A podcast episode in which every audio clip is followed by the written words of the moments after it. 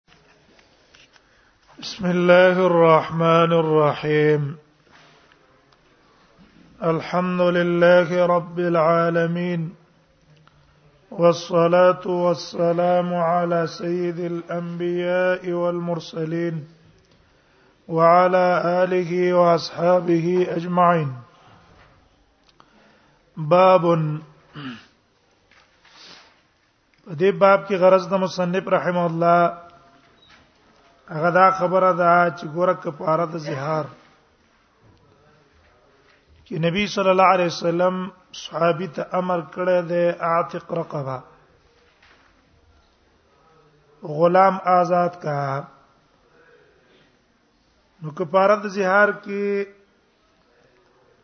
روزه کسړې نسی څه خبره نشتا دا رنګي اطعام 60 مسکینا ورکې څه مسله نشته خو صرف پر رقبه کې اختلاف دی چې په کفاره ته زهار کې چې رقبه ورکه آیا هر رقبه آزاد ول کافرې کې مسلمان هي او کروغي او کوم عیبي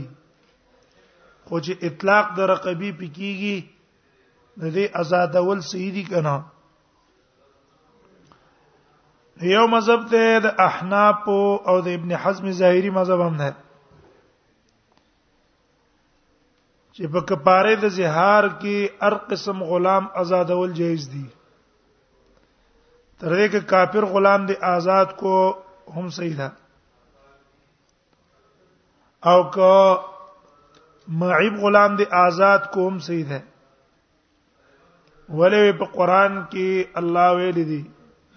فتحرير رقبه فتحرير رقبه من قبل ان يتماسها رقبه مطلقه ویلې او دا مطلقه شامله ده مؤمن او کافر دوانو ته دویم مذهب د امام مالک د امام شافعي او امام احمد ده رحمهم الله جميعا دیو په کفاره د زهار کې چې غلام آزاده مؤمن با آزاده وی ټیک ته په کفاره د زهار کې قران مطلق ویل ده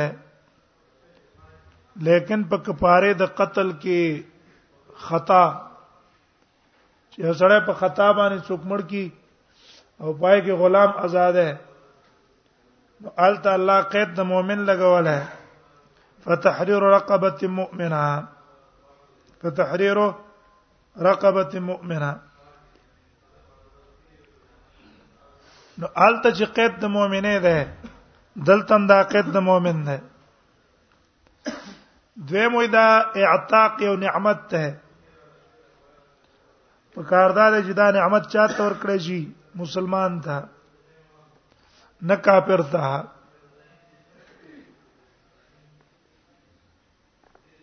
نو په دغه مناسبت باندې دا مصنف هم ترجیح ورکړي قول د جمهور لره دا نه چې ګنه دا شافعي دی دا ائمه د سي مذهبيان نه وو چې په هر خبره کې به د خپل امام خبرې پسې روانو نه دیو اکثر څو په خپل مجتهدینو خپل مجتهدینو دا احادیث را نقل کول د دې دلالت د دې په اجتهاد ده نو دته مذهب د جمهور راجح کاری دیو جن د حدیث ول راوړي لیکن په دې کې قول د امام بني فرحم الله دا غوړه ده چې کافر غلام چا آزاد کو په کفاره د زهار کې نو کفاره د زهار یې صحیح شو وجه دا ده چې قران کې الله کفاره مطلق وایي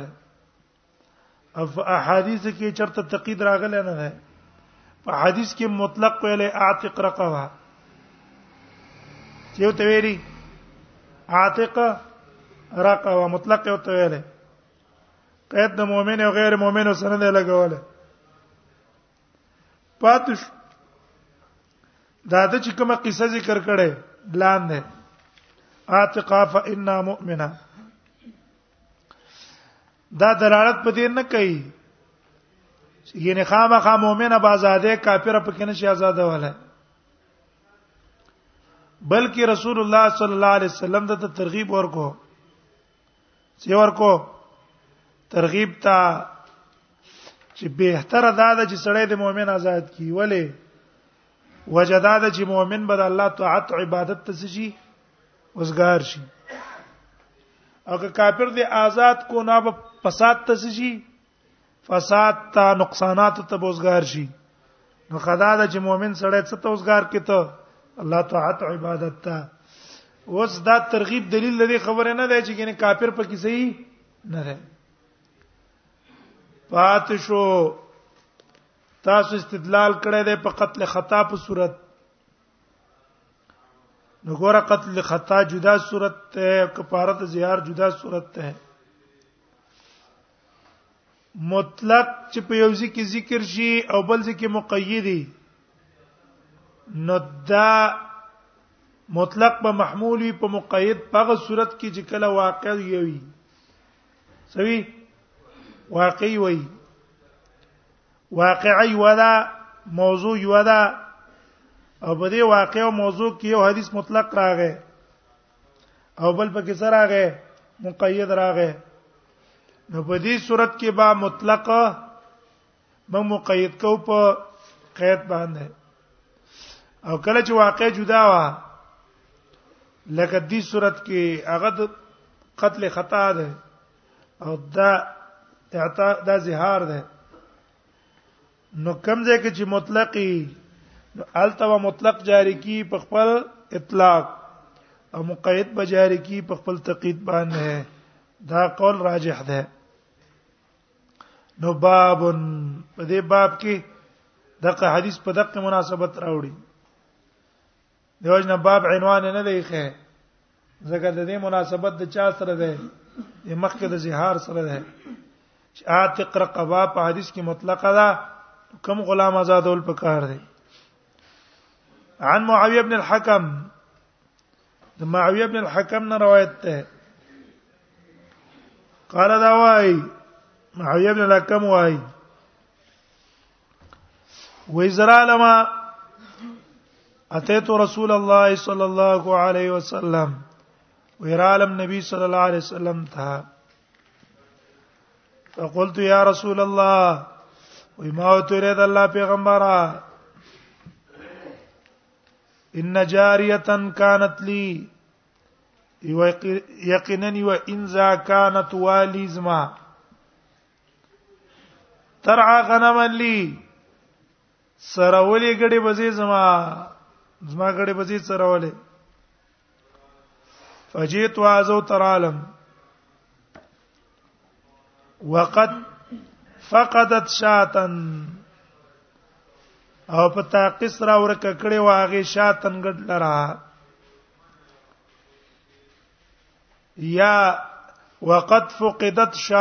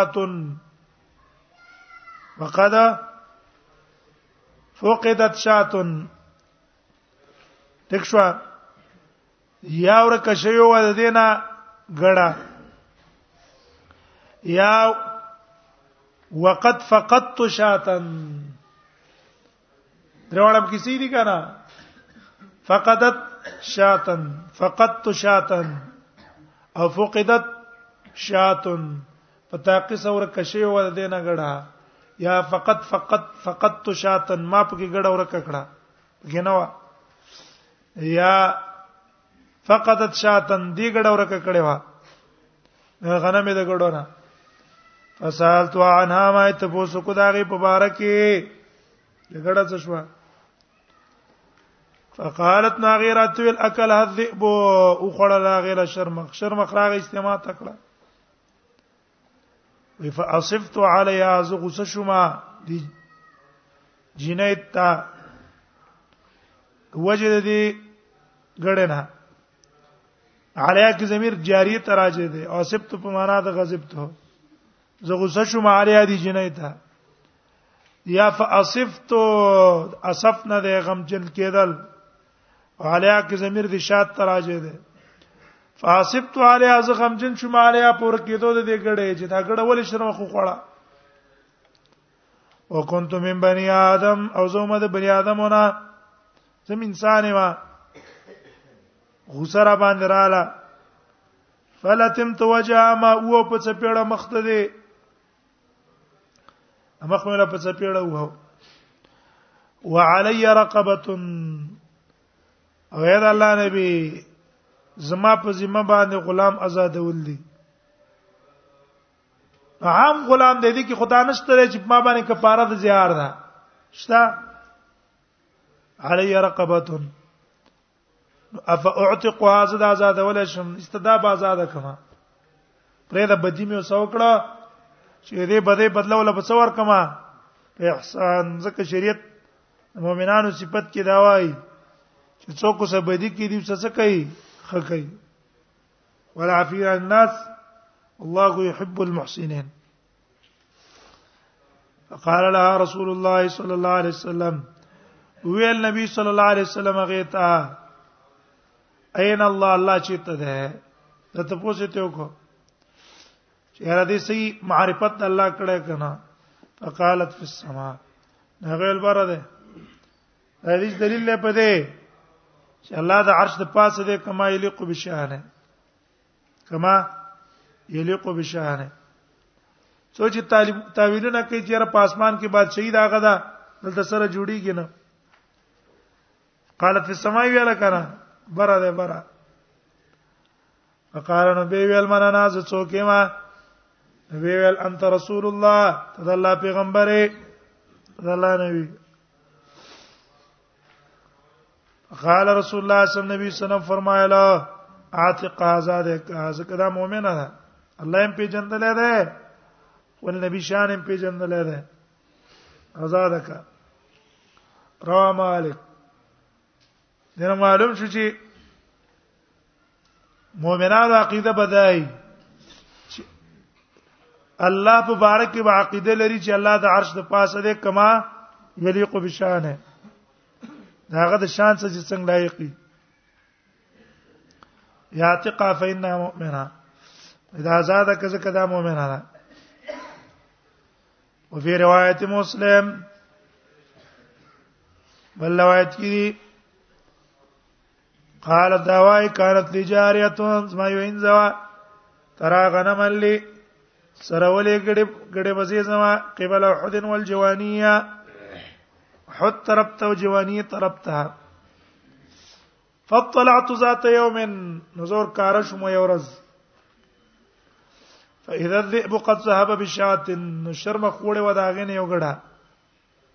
من غنم نازمن د ګډونه وانا رجل من بني ادم از یو سړیم د بني ادمونه آسب غوسه کېګم او خپه کېګم کما یا سپون لکه سرنګ چې د عام بني ادمان خپه کېږي په یو شور کېدو یا غوسه کېږي په یو کار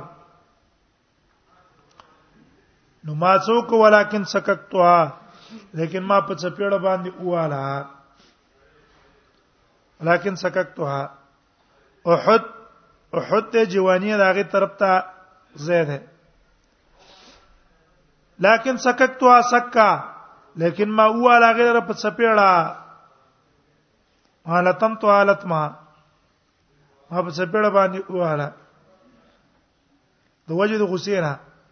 فاتت رسول الله رسول الله صلی الله علیه وسلم د نبی سلام تر عالم فعظم ذلك علی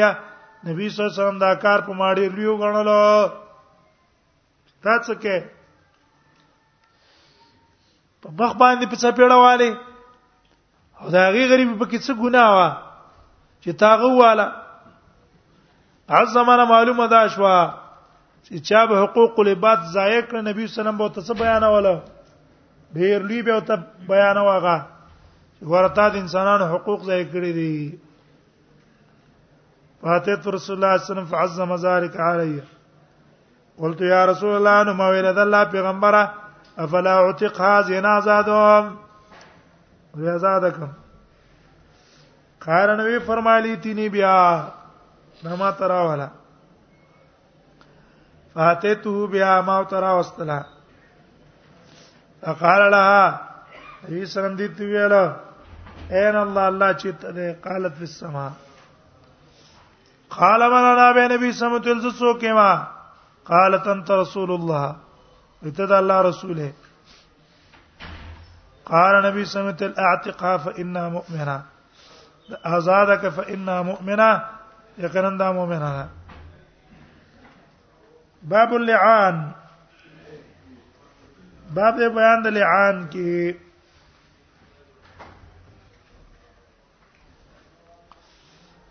په دې باب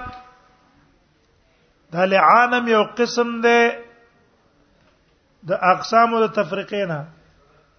لکه طلاق باندې فرقت واقع کی په مابین د خزو او د خاون کې دقه سی په صورت د لعانم تفریقه واقع کی په مابین د خزو او د خاون کې مزکه د طلاق سره محدثین باب اللعان راوړي په دې باب کې مصنف رحم الله شل احادیث راوړي او رجبی نه مسائل ته اوله مسله به ذکر کی الملاعنه اثباتا ونفيها په کوم صورت کې لعان واقع کیږي په نفي کې او په کوم صورت کې نه واقع کیږي الملاعنه اثباتا ونفيا دوه مسله به ذکر کی وقوع وقوع التفر الفرقه بعد اللعان خزو خاون چې خپل منځ کې لعان وکي دې لعان نه رسته به خزو خاون دی بل نه جدا شي درېمه مسله ينبغي للحاكم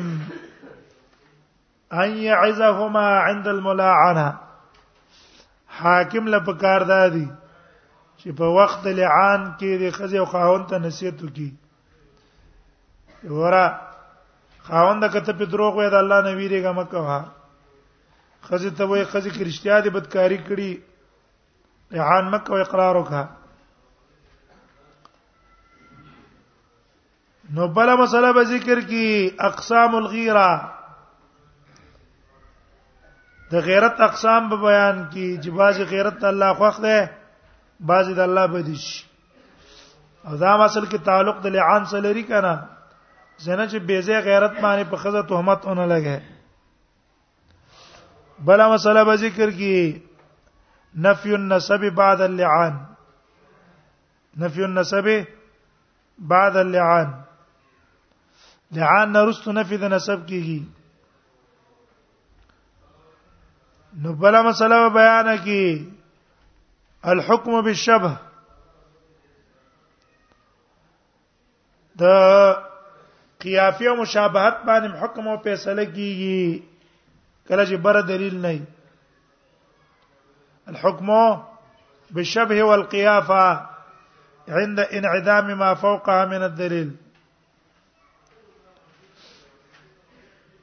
نو مسله به ذکر کړي قباحه الانتماء الى غیر ابيه یو سړی د پلار نه په غیر بل چاته ځان منسوبوي دا بد عمل نه نبی صلی الله علیه وسلم دې تکو پر ویل ہے دا کو پر ده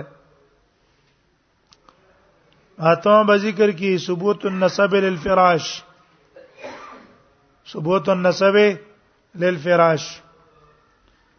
ثبوت د نسب د پاره د فراش ده ټیک شو بل مسله به ذکر کی چې لا رجوع فی المهر بعد اللعان سره راولګي د قیس لعان کو د دینه بعد در پر حق پمار کې نشترج د خزینه مار واخلي باب اللعان لعان مصدر ده مشتق ده د لعن نه لعان صيغه د مصدر ده مشتق ده د لعن نه لعن ویل کی الطرد والابعاد الطرد والابعاد شړلو ته وای او لری کولو ته وای نو چون کې خزه او خاون په دې عمل باندې لری کیږي د الله د رحمت نه دیو جنا د دې عمل نه تعبیر په څه باندې وکړو په لعان باندې او یا زکو تلعان وای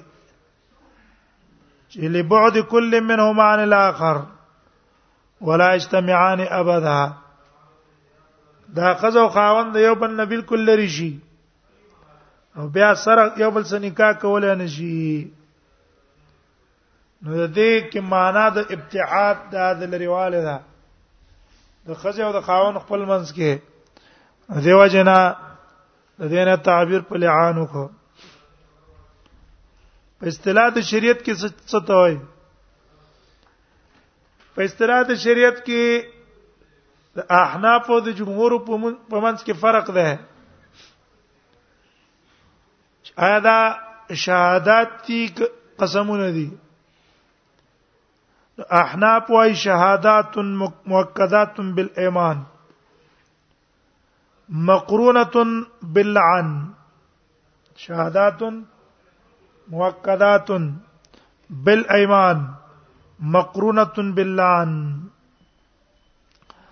دا د قسمونه دي قسمونه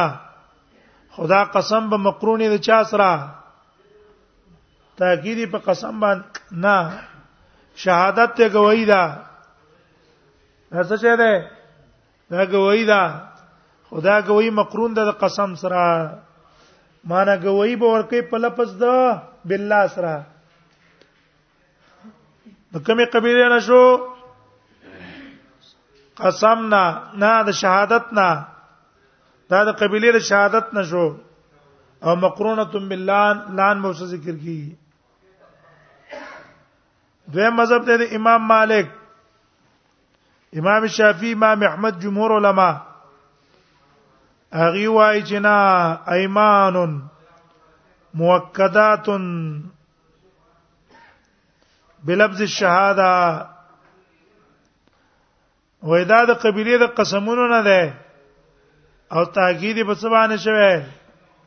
تاکید شوی د په لفظ د شهادت اصل کې قسم ده او صرف تاکید په شهادت راغله وس اختلاف پیدا شو کل من کان من اهل الشهاده هر هغه څوک چې اهل د شهادت دي نو د امام ابو حنیفه رحم الله په نسبانه د اهل د لعان ده او چې څوک اهل د شهادت نه مثلا محدود فی القذف اهل د شهادت نه ده کنه ده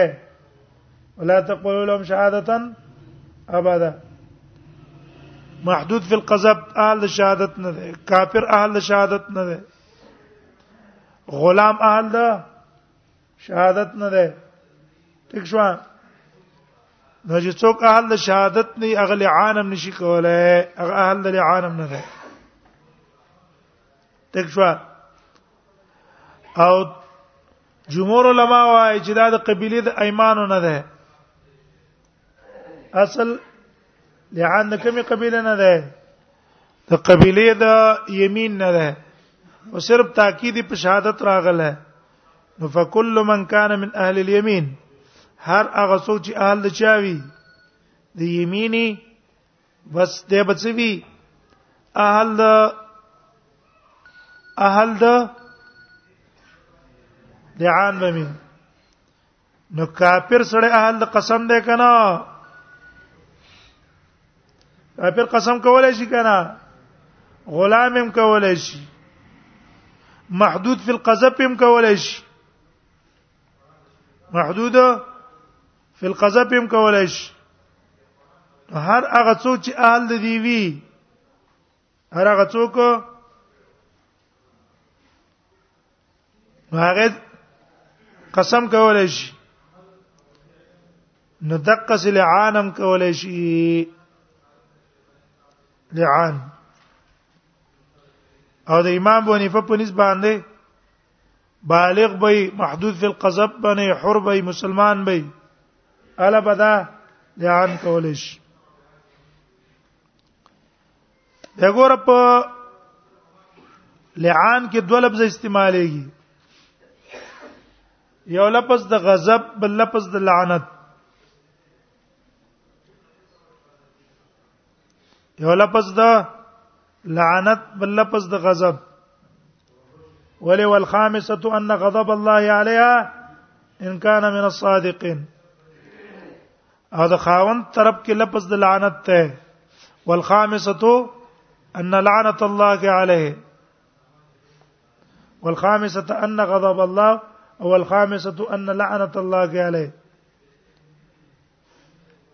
نو په دې کې لفظ د غضب هم استعمالېږي لفظ د لعنت هم استعمالېږي نو په کاردار چې دی عمل نه تعبیر په باب الغضب کړه کنه باب اللعانه ولې وکړو پوهیږئ کنه اې دې لعان ته لعان ولې وې تسمیتن للکل بسم الجز په دې کې لفظ د لعنت استعمالي کې نو دی وجنه د ټول عمل نه تعبیر په څو کو په لعان کو نو سوال دا دی چې تعبیر ته په لعان کو نو په تعبیر دی په لفظ د غضب هم کړه وای کنه ځکه غضب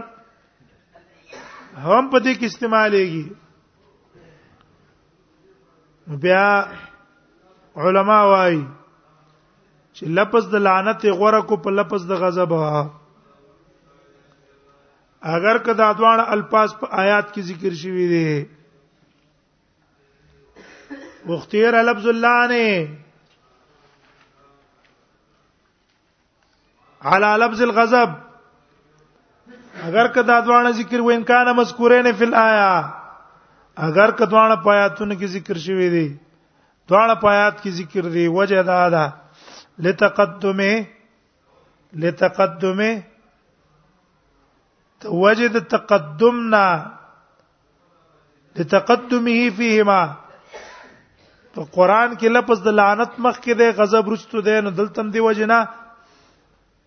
د دې تقدیم د وجنا دا مسما کړی شو په باب د لعنت دویم وجه دا ده چې لعنت اصل کې سړی بل لفظ استعمالې د لعنت او غضب لفظ د غضب استعمالې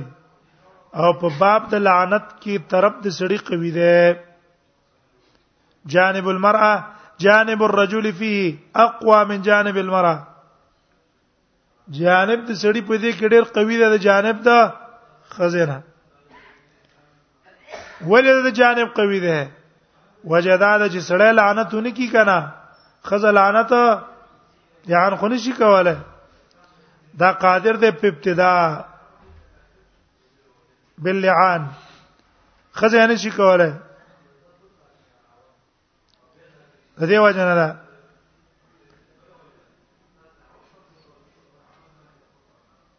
دویمه بیا را ولګيږي په صورت د لعان کې د سړی د پاره لفظ د لعنت غوړه کړی شو او خزه د پاره لفظ د غضب غوړه کړی شو خزه بچوي والخامسه ان غضب الله عليها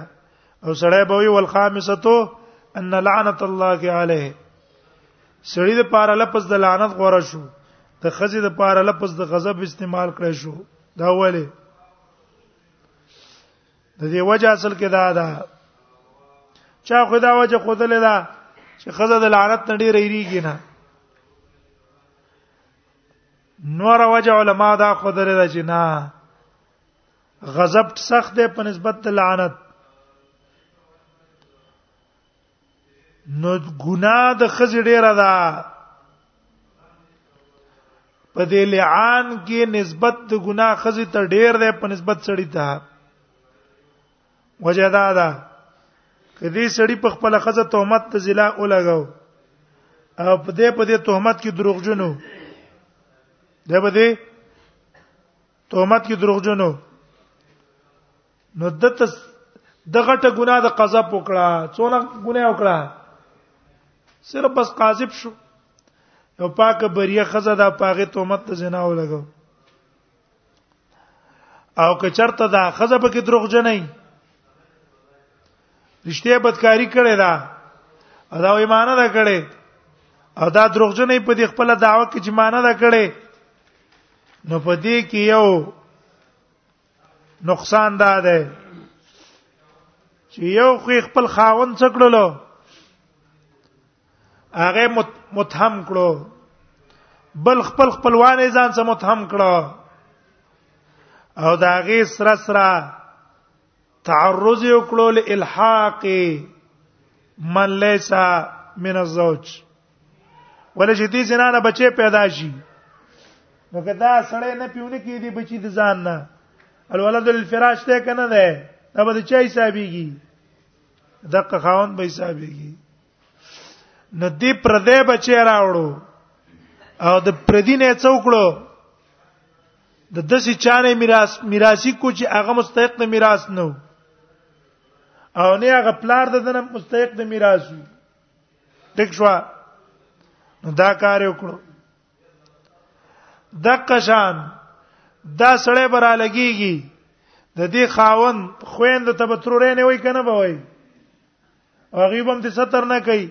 او حال دا چې دا دغه غراره خو نه ده او نه دغه ترورې نه دی دا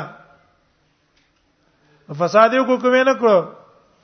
د دې خاون چې د بل خزینه لوريانی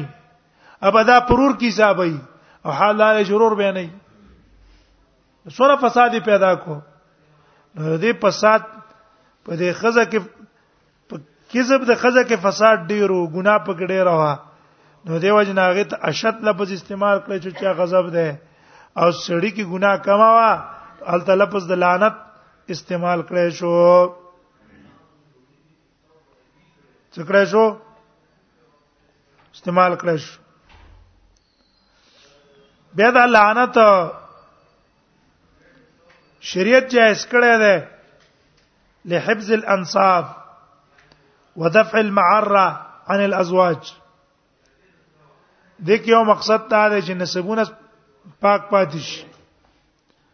ولې تاو کتو یو شړی خزه دا هغه او کتله خپل خزه په بدکاری او دا هغه بدکاری نه او کتله چې اوس حامله ده لکه دې لعنت نه کیدا بچي بچا نه ثابتيږي دنه به ثابتيږي اگر کدی خزر طلاق هم ورکی هم په طلاق کې بچي د چا نه ثابت ده دنه ثابت ده نه تیرا اولګي لعن بکی په عزت د خپل نسب زما په نسب کې څوک رانه شي بل پکې رانه نه وځي او بل کدا خزه بدکاری کوي دا خلک وې ما سړی پلان کې سړی څه د اوس سړی دی خزه خوشي ګرځي دی سره پروانه کوي نو لعان په صورت باندې بسړی راولږي خپل عزت په محفوظ کی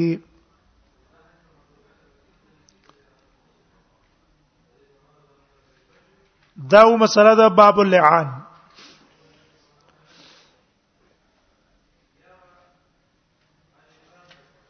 چې شریعت د دې نقطې په بنا باندې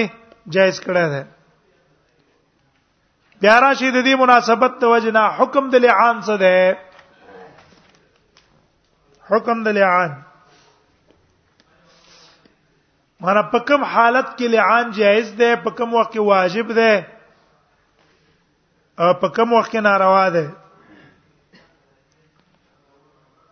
نو حکم د لعان مختلف کیږي په اختلاف د احوالو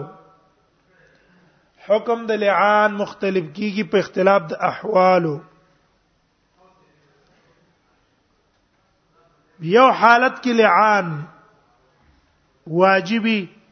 په بل حالت کې به حرامي په بل حالت کې به جایزي نو په اختلاف د احوال د وجنه حکم هم څه کیږي بدلېږي اولنې حالت یو سړی ته دا پته ولګېدله چې زما د خزې زنا کړي او د دې زنا نه دا خزه حامله ده صدا دا حامله ده څنګه داغي صورت ته ده یو خزه ده هغه د حیض نه پاک شوه دوسر وتی نه دا کړي او دینه بعد د استحامله شوه غالب دا د چیرې دا دنه حامله نه ده نو په دې صورت کې په د باندې لعان واجب او فرض ده لعان په څه ده په دې صورت کې په د باندې لعان واجب ده چې د دې بچی نفي بکې وجه دا ده کله نفي د نسب په دې ټیم کې اونکی د ځان نو لعان اونکی نو دا بچي به د منسوب شي اج دا بچي د منسوب شو نو د به د دنه میراث وړي لا يحل له هغه به د دنه میراث وړي لا يحل له دې برا لګيږي د د د محارم سره خدمت کوي او دا خلوت ولا جایز نه ده او د محارم به دا غسر خلوت کوي او دا ولا جایز نه دي دې نه څه پیدا کیږي ډېر فسادات پیدا کیږي او د دې انتفاع صرف په کم صورت باندې کیږي په صورت د لعان ولې په صورت د طلاق هم نه کیږي تا خزه ولیدله نو سړی دی هغه راولګ خپل خزه ولیدله په بدکار یو حامله ده او د استراغ طلاق طلاق طلاق نو خزه ته طلاق شوه د د عدت نه مکلو زی بعد وزن الحمل او دا وزن د حمل چې وشوه دا به ثبوت د نسب ته نه کړه دا بچي وي نو پیدا په مرتب کیږي طلاق نه مرتب کیږي د دې لپاره یو صورت ته کم صورت دی عام ها مگر په دې صورت کې یو صورت شته هغه دا دا خزه حامله ده او اس طرح اولګي د اسقاط د بچیو کو چې وکړو بچی اسقاط وکړو یا په دې طریقه باندې وشو چې عام خلکو ته پته ونه لګیدله او دې خزي کلکه توبه الله تويسته چې به بدا زنه کو او دا بچي دا کسره ولګیدو عام کم زیاده الته سره د مال او د ارڅ ناغي سکه خوستو در پاریستو کې ځان څخه لقید کیوي سي معنی نسب نه شي او په حکم د لقید کې څوک ځان سواق یو ځان لغټ کی یا بعضی د سیزین چې هغه د تربیت د پاره دغه چې تربیت ځای ته ورکو او ثبوت د نسب ته نه راتلو او د خزم کلک توبه الله ته استلې ده نو په دې صورت کې بیا کدی را اولګې دو دا خزه طلاق نه کړ به لعان او سونه کو به په لازم نه ده ولی لازم د لزوم د طلاق د پاره کوم صورتو خط علت د لزوم د لزوم د لعان ثبوت د نسب وکړو اصل ثبوت د نسب راغی رانغه باقی شریعت مونږ تاسو ته ویلي چې پرده په خلکو اچي والله وای من ستر مسلمه یا مسلمان باندې چا پرده واچول الله په دې باندې پرده واچي بس دا خزوا تا ته چې کومه خطر ده التحاق د پردي نسب په تار اتلو غستانه لري شو یا په اسقاط یا په ضیاع یا په بچی کېدلو خو عام خلکو ته پته ونه لګېدل او په صورت ته چا کې شو په صورت د لقید کې شو په دې صورت کې کوز د اخذ ته ځان څه ساتي ساتلم دل جایز دي او کله عار سنه کې طلاق ولور ځکه طلاق کې داغه پرده محفوظ او ساتل شو بس خو خمه نه وا پریم خوستلا نو حتی الوسو پردا چه مسلمان ها کزین ته سوال لازی ورته وې چې په دې صورت کې به ځان څه اوساتی اگر کدی زنا نه توبه استره ده نو حدیث خروج تو راځي چې ان امراتی لا ترد يد لامس قال طلقها نبی صلی الله طلاق ویل دی ٹھیک شو او به ویری زه فهم څه کایزن الته به موږ وایو چې دا حدیث کې اختلاف دی د علما او چاوتا ضعیف ویل دی دا صحیح نه ده او چا په کتابونو کړی دی تاویلونه او یا به التمنګ اوایو چې ټیک د نکاح د زانی سره جایز نه دی ابتداء تا ته پته لري دا خزه زانیه ده توبه نه ایستلې یا دا سړی زانی دی پردو خزو په ذکر زی ناولای دی او توبه دې عمل نه نه ایستلې او ټول پاک دامن خزه ورکه دا جایز نه ده الزانی لا ينكح الا زانیه والزانیه لا ينكح الا زانن اجي توبه نه ایستلې سره نکاح جایز نه ده ها یو سړی پاک دی ورستو مردار شو یو خزه پاکه ده پاول کې ورستو مردار شو نو په دې صورت کې به په نکاح کې ساتل شي فهم څه کا اذن د وجنه دا اول صورت شو وښوي په په دې حالت کې لعان څه شلو واجب دویم حالت دا ده چې هیڅ خزه کې نقصان نشته او اسې به سترا اولګيږي په دې خزه باندې تهمت اولګاو د بدکارۍ دا ناروا ده دا په اتفاق د علماو سره ده دا حرام ده ټیک شو سړی دروغجن دی خزه په بدکاری نه دلی دلی خو اسی اوس دې دې خزه نه ځان خلاصي بعضی کسان د قصي اکثر د الکان نه بعض وخت دا شړی ست بل چا سي ارانه واچي بل جنای سره او بل خې سي ارانه واچي نو د یارانه د وجنه هغه خزر لګيږي د ته وی چې الا به زتا کومه چې دا خزه لري کې نو اوس دا اریانی چې دا خزه په کومه طریقه لري کې په کومه طریقه زلره کې نو په دغه صورت کې د بیره لګيږي مختلفه منسوبې تیارې نو بعض کسان په منسوبو کې داو کې چې په خزه تهمت لګي چې دې څه کړی دا بدکاری کړی دا هغه سره بدګاری کړي نه دا خو حرام دی ډېر سخت حالت او حرام دی جایز نه ده تریم حالت دا ده چې خزه په بدکاری لیدل دا خو حمل نشتا حمل نشتا حامل نه ده نو په دې صورت کې د د د پاره لعان جایز هم ده او ترک هم ولا جایز ده طلاق دی ولا ورکی لعان ته ضرورت نشته ځکه لعان کو سره کوي د خزې په پردګی راځي او طلاق کې څه کیږي دا مقصد هم حاصلېږي او د خزې پردم محفوظه پاتې کیږي بیزت کیږي نه خزه بیزتی مران الله هغه په خپل حالت باندې پاتې شو د خزه بیزتی مران الله او د سړی چې کم غرض ده هغه حاصل شو نو په دې صورت کې دی بیا لعان د سره نه کوي او بیا که خزک رښتیا په صحیح طریقې باندې توبه وستله صحیح توبه الله ته وستا او یاد ته نقصان په طلاقول یا په لعان کې ولی باج وخت خپلوان نه کنا پر قستین شي چې پری دی غټ فسادات او نقصانات پیدا کیږي نو په دې صورت کې بیا د پاره جائز دي کپریدي هم جائز کني پریدي هم جائز دا حکم د لعان باب اللعان باب بیان دا لعان کې بس ته بس